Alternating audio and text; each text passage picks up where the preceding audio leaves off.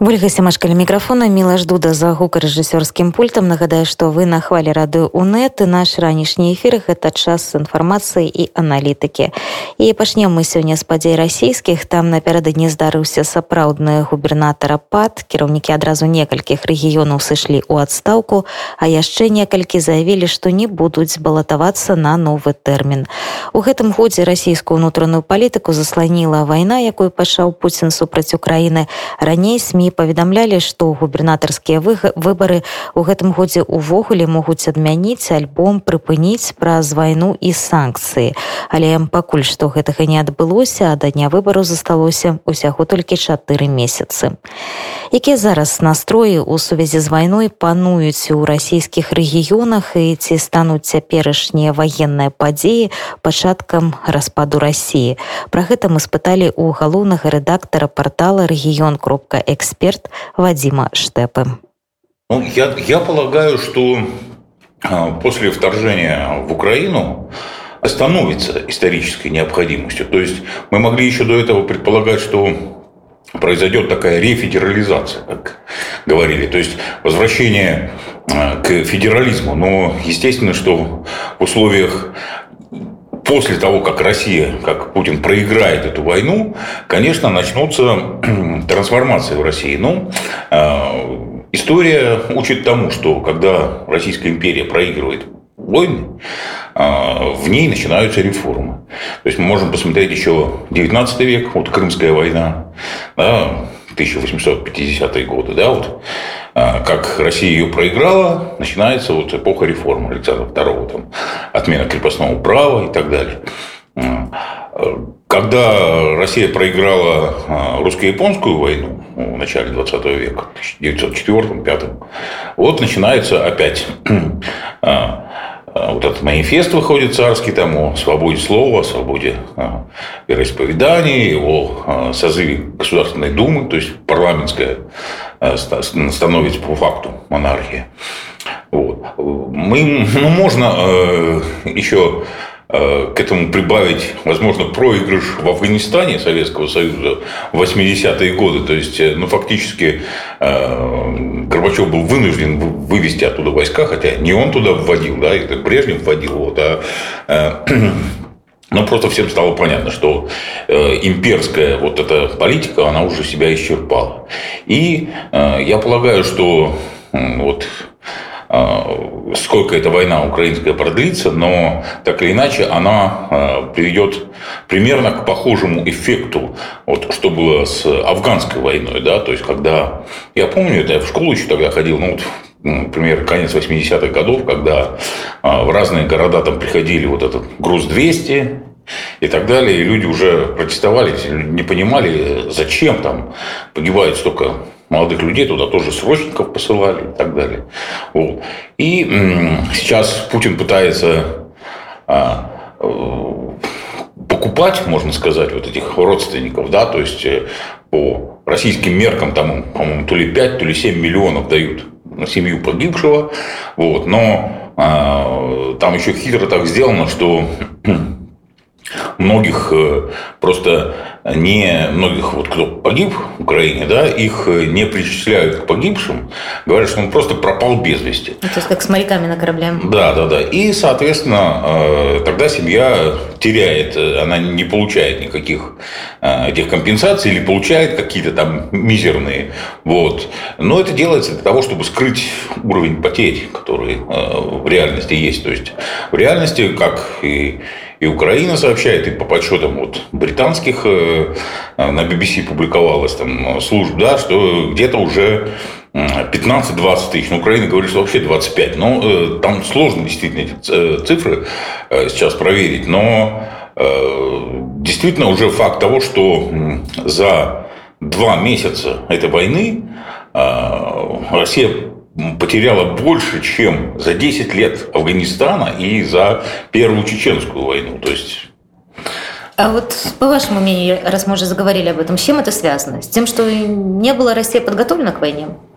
Ну, естественно, да. У Путина же самое главное орудие, как он рассчитывал, что это пропаганда, да, то есть, что пропаганда, пропаганда все изменит, да, вот такая гибридная война. Ну, вот как они, собственно говоря, в свое время, вот, в 2014 году, захватили Крым, да, то есть э, до этого ведь э, в Крыму работало очень мощно, там российское телевидение свободно принималось, и вот на Донбассе тоже в 2014 году и так далее. Они э, покупали, можно сказать, доверие местного населения, тем, что говорили, вот, какой в России высокий уровень жизни, и у вас будет такой же, и так далее, да, хотя э, вот тот, кто понимает вот, российскую ситуацию, да, э, те сразу понимали лживость этой пропаганды, потому что а, российская пропаганда, она ориентируется, она показывает, что как красиво живет Москва. Ну, там, может Петербург и так далее. Да? А я просто как регионалист, я знаю, что как э, плохо живет тот же северо-запад России. Да? Стоит там посмотреть, как э, какой нищете там эти вологодские деревни, псковские и так далее. То есть, э,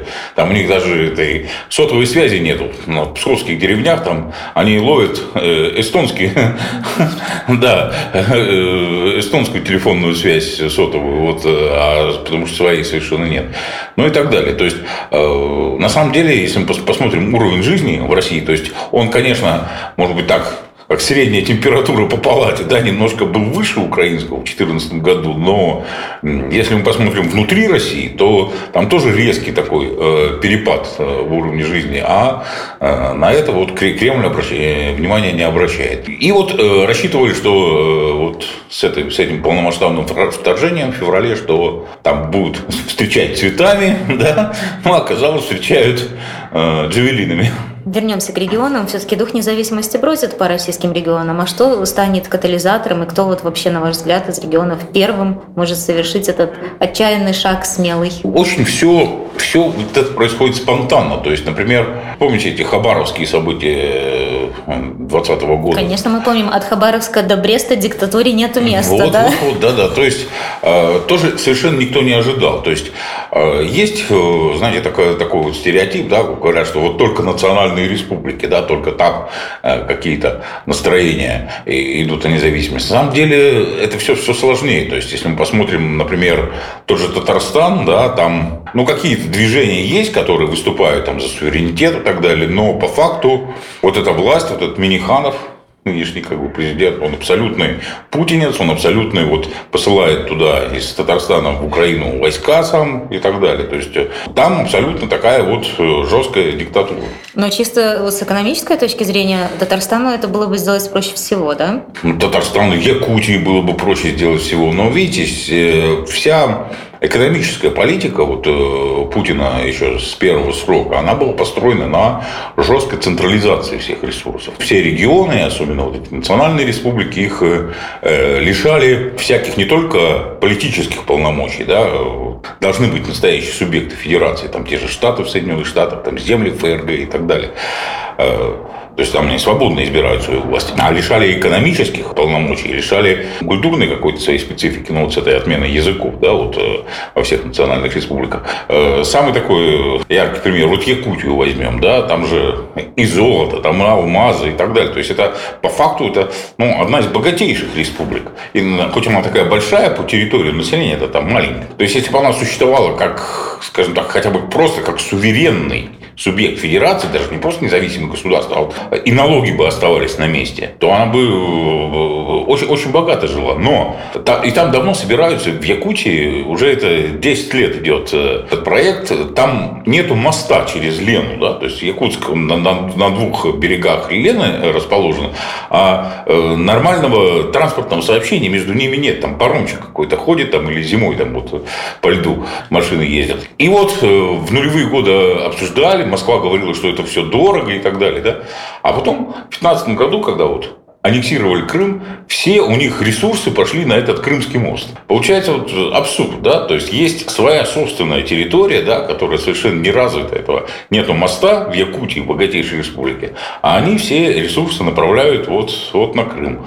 И, естественно, это как бы вызывает, ну, это сейчас выразить вот так э, буквально невозможно, за это могут и арестовать, и посадить, и так далее, да. Протестов таких нет, но, тем не менее, вот э, бурлит там в социальных сетях, можно посмотреть, да, что люди возмущаются, там говорят, что, ну что ж такое, у нас э, в Якутии богатейшие недра, да, но мы это все отдаем Москве, Москва это пускает на завоевания других территорий, получается, что мы не занимаемся, да, вот э, Россия не занимается собственной территорией. И самое главное, ну, это чисто имперская логика, да, чем больше захватить территории, тем лучше. А развивать их, не развивать, она на это Да, что с ними делать, да. никто не решил еще, да, да? да? От кого должна исходить вот эта вот э, инициатива независимости? От каких-то местных элит или все-таки в каких регионах сильна вот это вот общественное мнение, да, вот эти вот политические Я думаю, партии? Все, все это, видите, политические политических партий, ну, региональных политических партий сейчас в России нет. Они все запрещены еще законом о партиях, как когда Путин только пришел, он в 2001 году э, сразу новый закон о партиях был принят, где утверждалось, что все политические партии могут иметь только общефедеральный характер. Соответственно, к тому моменту в разных регионах свои региональные партии существовали, но они все были запрещены там, от Сибири до Калининграда. То есть, все, то есть партии могут только, вот, чтобы у них политбюро в Москве находилось. Вот это действительно абсурд, потому что, насколько я знаю, в той же Польше есть свои региональные партии, которые там вот э, в регионах собираются. Во Франции, Франция тоже унитарная страна, но там тоже в разных департаментах свои партии, которые избираются и в местный парламент, и в Европарламент. Да? А в России отменены все региональные партии, поэтому местные гражданские сообщества, они не имеют возможности ну, своего политического представительства. То есть они не могут никуда избираться. Вот. Э, они могут только ну, присоединяться к тем или иным вот этим общефедеральным партиям. Но при этом вот, э, получается так, что эти самые федеральные партии, они иногда даже раскалываются. Вот э, тот же пример Хабаровска я приводил, да, там же Фургал, он стал популярен так, потому что он победил кремлевского кандидата на губернаторских выборах, это человек от «Единой России». Но сам-то он принадлежал к партии Жириновского, ЛДПР. Но при этом он как только его избрали, он сказал, что я теперь не выражаю партийные интересы ЛДПР, моя партия Хабаровский край.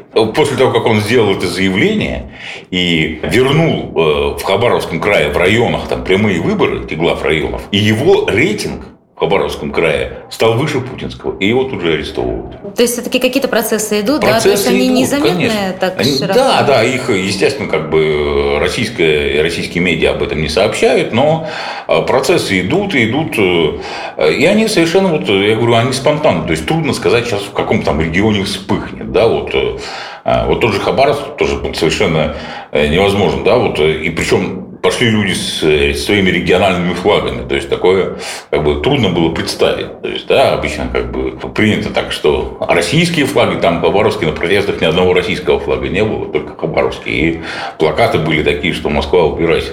Можем посмотреть еще протест вот в Шиисе, который был, да, на севере. Это вот там собирались строить полигон для московского мусора. То есть свозить, представляете, мусор из Москвы, из такого огромного растущего мегаполиса, там 20 миллионов живет, собирались свозить туда вот на границу Архангельской области и Республики Коми. Ну, во-первых, это так далеко, а во-вторых, ну, считали там, ну что, ну кому там надо, да, вот, э, и закапывать ее там. Но дело в том, что там, там истоки рек, которые впадают там э, в Северный океан, там Печора там, и так далее. То есть, если там закапывать все эти отходы, то это будут заражать реки, э, реки будут когда виды, там не будет рыбы, это все будет, э, потом весь этот яд будет э, в океан уходить и так далее. То есть, там, там колоссальный протест вообще э, возник. И опять же можем сказать, что э, он возник не на каком-то какой-то такой, такой этнической основе, да, там, там самые разные люди, там и русские, и коми, и украинцы, и кого там только не было. экологически, да? Ну да, экологически. Но, кстати, я вам замечу, что такой момент, что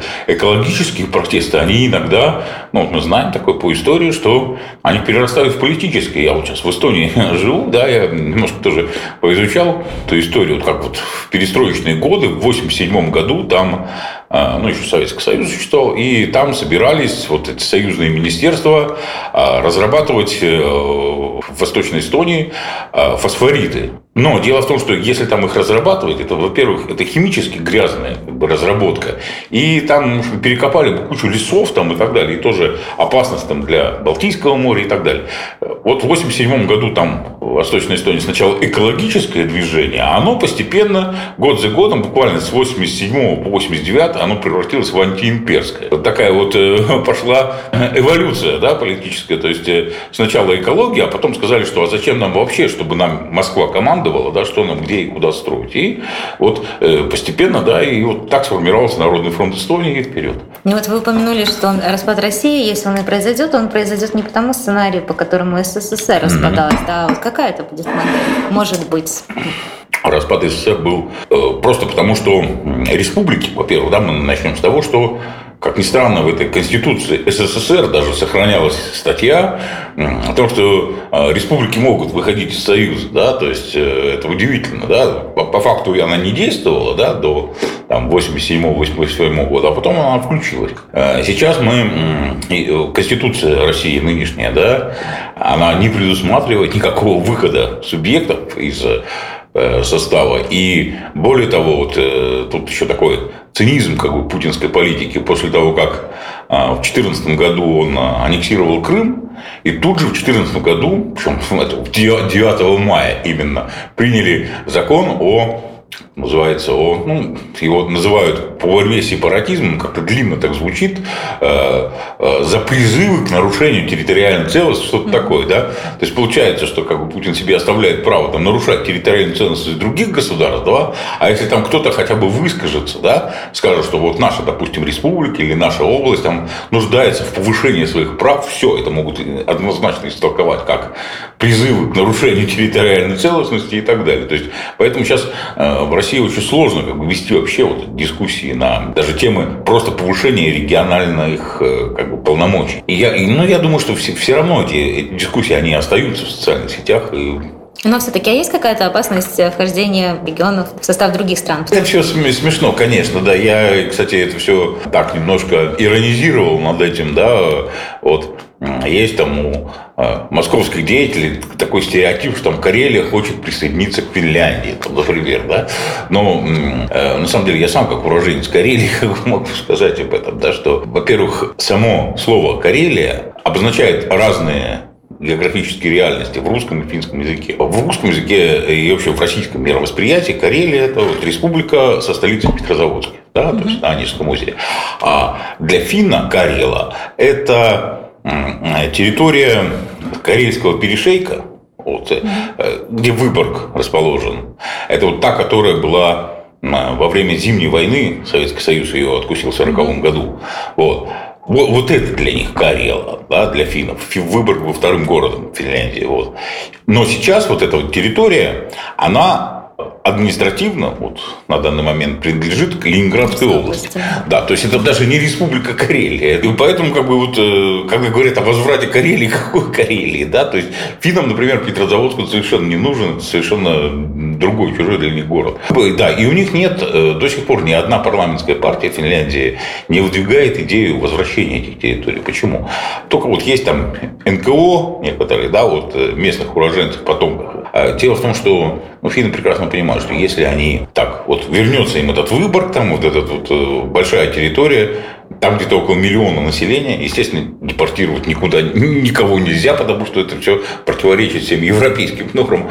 Но придется туда очень сильно вкладываться, да, рекультивировать всю эту территорию и так далее. Финны народ очень расчетливый, то есть они понимают, что это, это повышение налогов для своих граждан, это приостановка каких-то программ внутреннего развития и так далее. То есть они говорят, нет, мы этим как-нибудь, может быть, потом займемся, а мы сейчас вот мы не заинтересованы в присоединении. Они говорят, ну да, ну, жалко, это когда-то было там у нас, но, но сейчас как говорят, что ну зачем нам столько вкладываться, да, и принимать себе еще, делать миллион русскоязычных граждан, как бы, да, они так все-таки за, свой, э, за свою идентичность идентичность э, хотят бороться, как бы, да, тут... Ну, то есть, условно говоря, у финнов нету такой вот э, э, скажем так, имперских вот каких-то таких амбиций, да, вот точно так же, как и у немцев нету амбиций на то, чтобы Калининградскую область себе присоединить, да, то есть там тоже как бы больше миллиона населения, вот, и ну зачем им столько, столько населения с... А у китайцев? Тоже, кстати говоря, я говорил с людьми из Иркутска, да, вы можете с бурятами поговорить. У, них, у китайцев скорее тоже прагматическое отношение. То есть, во-первых, им просто нужны дешевые сибирские ресурсы, да, вот дальневосточные. Им их Путин и так э, почти бесплатно поставляет. Вот этот газопровод «Сила Сибири» вообще за копейки. А потом э, китайцам дают э, в долгосрочную, там, чуть ли не на сто лет, в аренду земли, эти лесные участки, они там пилят лес и отправляют в Китай. И причем причем работают там сами русские местные, да, которые э, работают на китайцев, да, а все, весь лес Китай То есть э, Китаю нужны просто дешевые ресурсы. Заселять эти территории, ну, для них это холодно, как бы. Да и вообще, э, просто, видите, у развитых современных людей нет как бы, такой, как у Путина, старевший там где-то 19 века или начала 20-го, такого стремления к расширению территории. То есть такого нет э, в современном понятии. Сейчас смотрят на то, как развиваются технологии, да, как, э, насколько они эффективны и так далее. А вот э, такой, как бы, экспансия ради экспансии такой имперской у китайцев совершенно нет. То есть им вот эта территория, да, чтобы опять же туда вкладываться, ее развивать там и так далее. Зачем им это? Когда им за копейки, то и бесплатно как бы вся э, Путин отдает эти ресурсы. Ну, пока вот единственной страной, которая территориальные претензии предъявила, это Япония была. Ну, Япония это да. А, ну, понятно, что у них отобрали эти Курильские, Курильские острова, э, ни за что, ни про что. Если мы вспомним там, историю, да, что Япония же в апреле 1941 года подписала договор с Советским Союзом о ненападении. И свято его соблюдала до 1945 года. То есть э, теоретически они могли бы высадиться в Владивостоке, да, в 41 году, там, вместе с Гитлером, да, вот, э, и на два фронта. Вот тогда бы Советский Союз точно проиграл Вторую мировую войну, потому что он не был бы готов на два фронта. Япония совершенно не нападала на Советский Союз. Так за что у них отобрали эти Курильские острова? То есть, я понимаю, да, вот, э, что японцы там не любят американцев, да, и, вернее, американцы не любят японцев, да, за то, что э, японцы там на налет на Перл-Харбор в том же 41 году и так далее, да, но Япония-то против Советского Союза не, не воевала. Так почему не американцы какую-то японскую территорию там откусили, а Советский Союз? Япония это территория очень маленькая у них, там эти, всего там три острова таких, да, больших, и, а население там почти российское, там, по-моему, 120 миллионов живет, то есть в России 140, 140 на какой территории, да, а там 120 на какой, поэтому для них, для японцев вот эти три маленьких острова Курильские, для них это уже, это большая земля. Большая земля, да. Да, да, да. Вот, то есть они могли бы их обустроить там нормально и так далее, но Россия вот так вот держится за эти острова, которые ей вот, ничего не приносят, да, вот, кроме того, что вот держат имперские амбиции. Вот мы такие великие. Ну. Но сегодня вот город Москва большим является таким раздражителем для российских регионов. Mm-hmm. А если там не будет столицы, то вот какой город может претендовать, или все-таки нужно создавать что-то новое? Я думаю, что э, если власть будет сосредоточена в регионах, то, наверное, построить что-то с нуля. Вот, по опыту Вашингтона, по опыту Бразилии. Да? Бразилия вообще вот э, в чистом поле или там в чистой джунглях да? Э, построили город маленький вот, и перенесли туда. Там такая же, кстати говоря, это было в 60-е годы, немножко так изучал эту историю, да? примерно такая же была ситуация с столичным гиперцентрализмом, как Э, в нынешней России. То есть э, в Бразилии все стекалось в Рио-де-Жанейро. То есть там, э, там было 70% производства, 80% финансов. То есть все, все там было, да. А вся остальная страна как бы в нищете жила в Бразилии. И вот они решили тогда, что хватит уже этого гиперцентрализма и построить город вот где-то совершенно в долине. И вот как-то удалось за счет этого